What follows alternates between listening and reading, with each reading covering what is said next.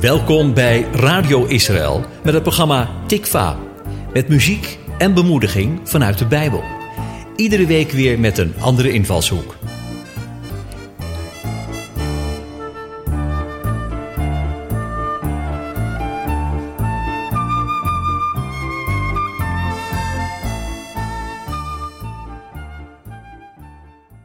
Soms kan je het gevoel hebben dat je geen kant meer op kunt. Je staat met je rug tegen de muur. Voor je doemt de vijand op en achter je is geen uitweg om te ontsnappen. Dat is wat het volk Israël overkwam toen ze bij de Rode Zee stonden. De farao met zijn hele legermacht kwam op hen af en ze konden geen kant op. Misschien zit jij op dit moment klem in een situatie waar geen ontsnappen aanleidt. Je ziet de vijand op je afkomen, maar er lijkt geen uitweg te zijn om te ontsnappen. Wat doe je dan als je je in een situatie bevindt van dreigend gevaar? En welke sleutels vinden we hiervoor in de Bijbel?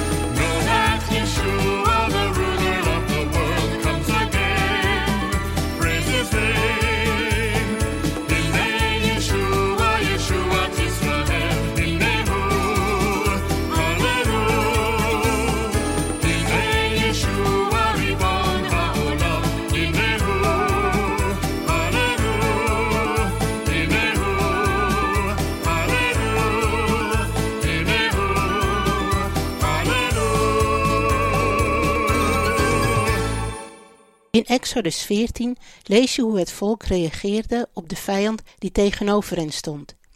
Vers 10 beschrijft dat ze volkomen in paniek raakten. Angst is een begrijpelijke reactie als je naar de situatie kijkt. Een naderende vijand op je af zien komen, zonder uitweg, roept schrik en angst op. In vers 11 lees je de tegengestelde reactie die het volk daarna liet zien. Ze schreeuwden naar de Heere om hulp. Dat lijkt een passende en natuurlijke reactie als je in God gelooft. In deze verse zie je twee keuzes afgetekend die je hebt in een crisis. Of je geeft je over aan de angst, of je geeft je over aan God. De keus die je maakt is bepalend voor de uitkomst en het verdere verloop van de situatie. In het vervolg van vers 11 en 12 zie je welk van deze twee opties het volk koos. Ze riepen uit: Had ons in Egypte gelaten om te sterven, Mozes? Waarom heb je ons uit Egypte geleid? Nu zijn we gedoemd te sterven in de woestijn. De paniek kreeg de overhand en sloeg door naar zelfbeklag, verwijten maken en wanhoop. Het liep zo hoog op dat ze zich begonnen te beklagen over hun uitredding. Hun eens zo glorieuze redding uit Egypte gebruikten ze nu als verwijt met de woorden: Waarom heb je ons uit Egypte geleid, Mozes? Had ons liever als slaven in Egypte gelaten, dan hier te sterven in de woestijn. Hun angst bracht twijfel mee, twijfel aan Mozes, aan God, aan hun toekomst, hun bestemming en aan de uitredding van God. Ze handelden alsof ze vergeten waren wie God voor hen was geweest. Ze handelden alsof ze niet langer het uitverkoren volk van God waren, maar als een volk dat door God vergeten en in de steek gelaten was.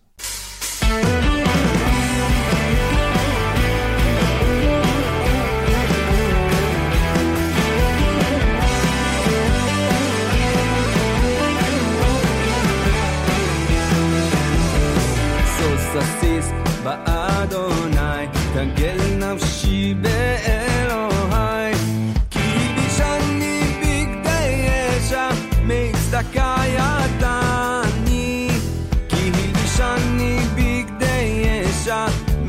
सकाया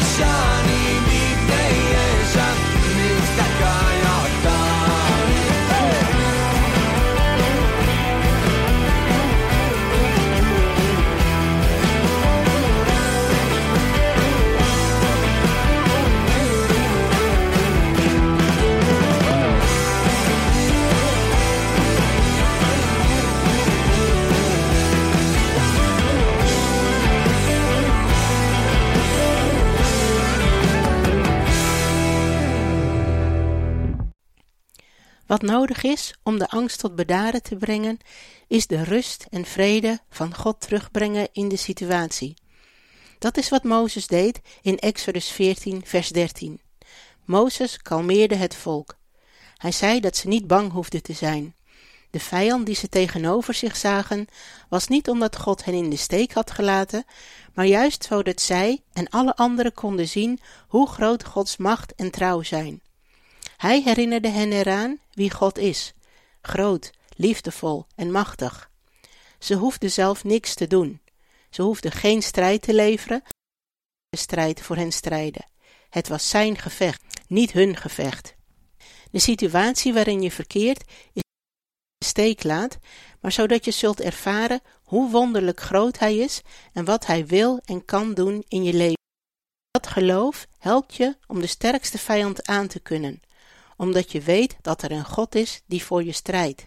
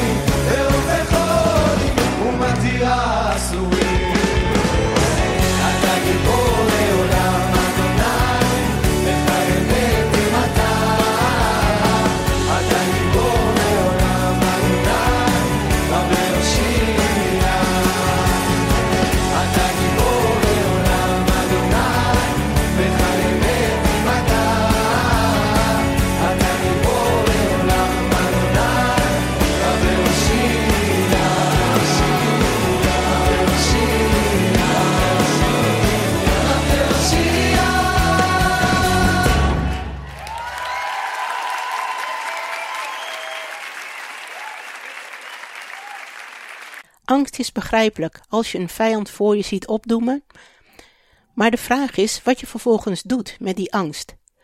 Angst tot je leidsman maken neemt elk positief perspectief weg. Het vergroot de negatieve omstandigheden uit, waardoor het zicht op een positieve oplossing geheel uit je blikveld verdwijnt.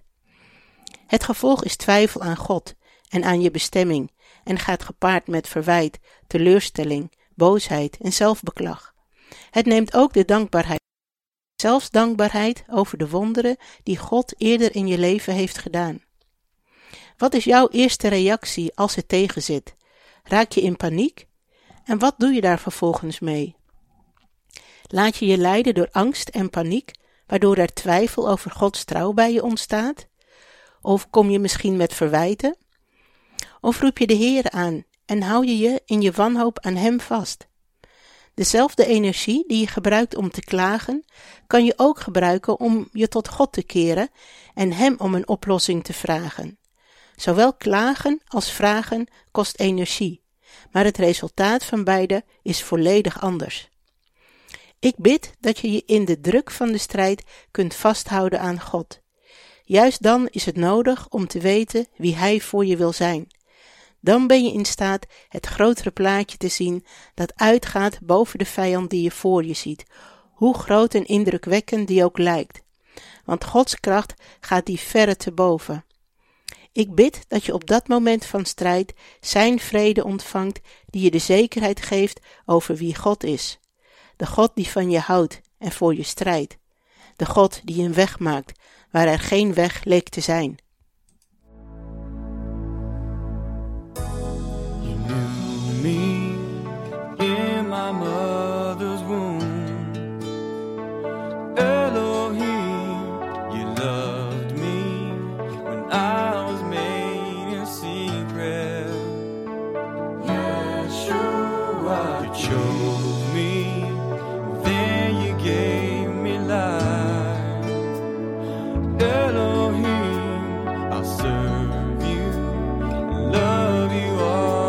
day.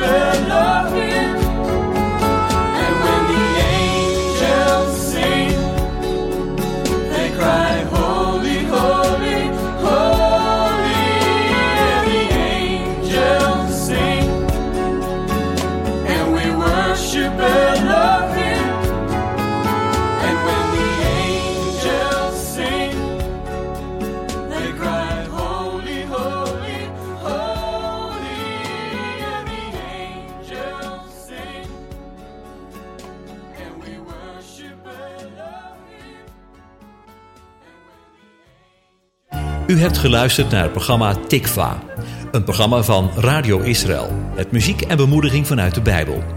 Te beluisteren elke donderdag tussen 10 en 11 met herhalingen op vrijdag en zaterdagmiddag om 4 uur. Als u wilt reageren op deze uitzending, dan kan dat door een mail te sturen naar reactie apenstaartje radioisrael.nl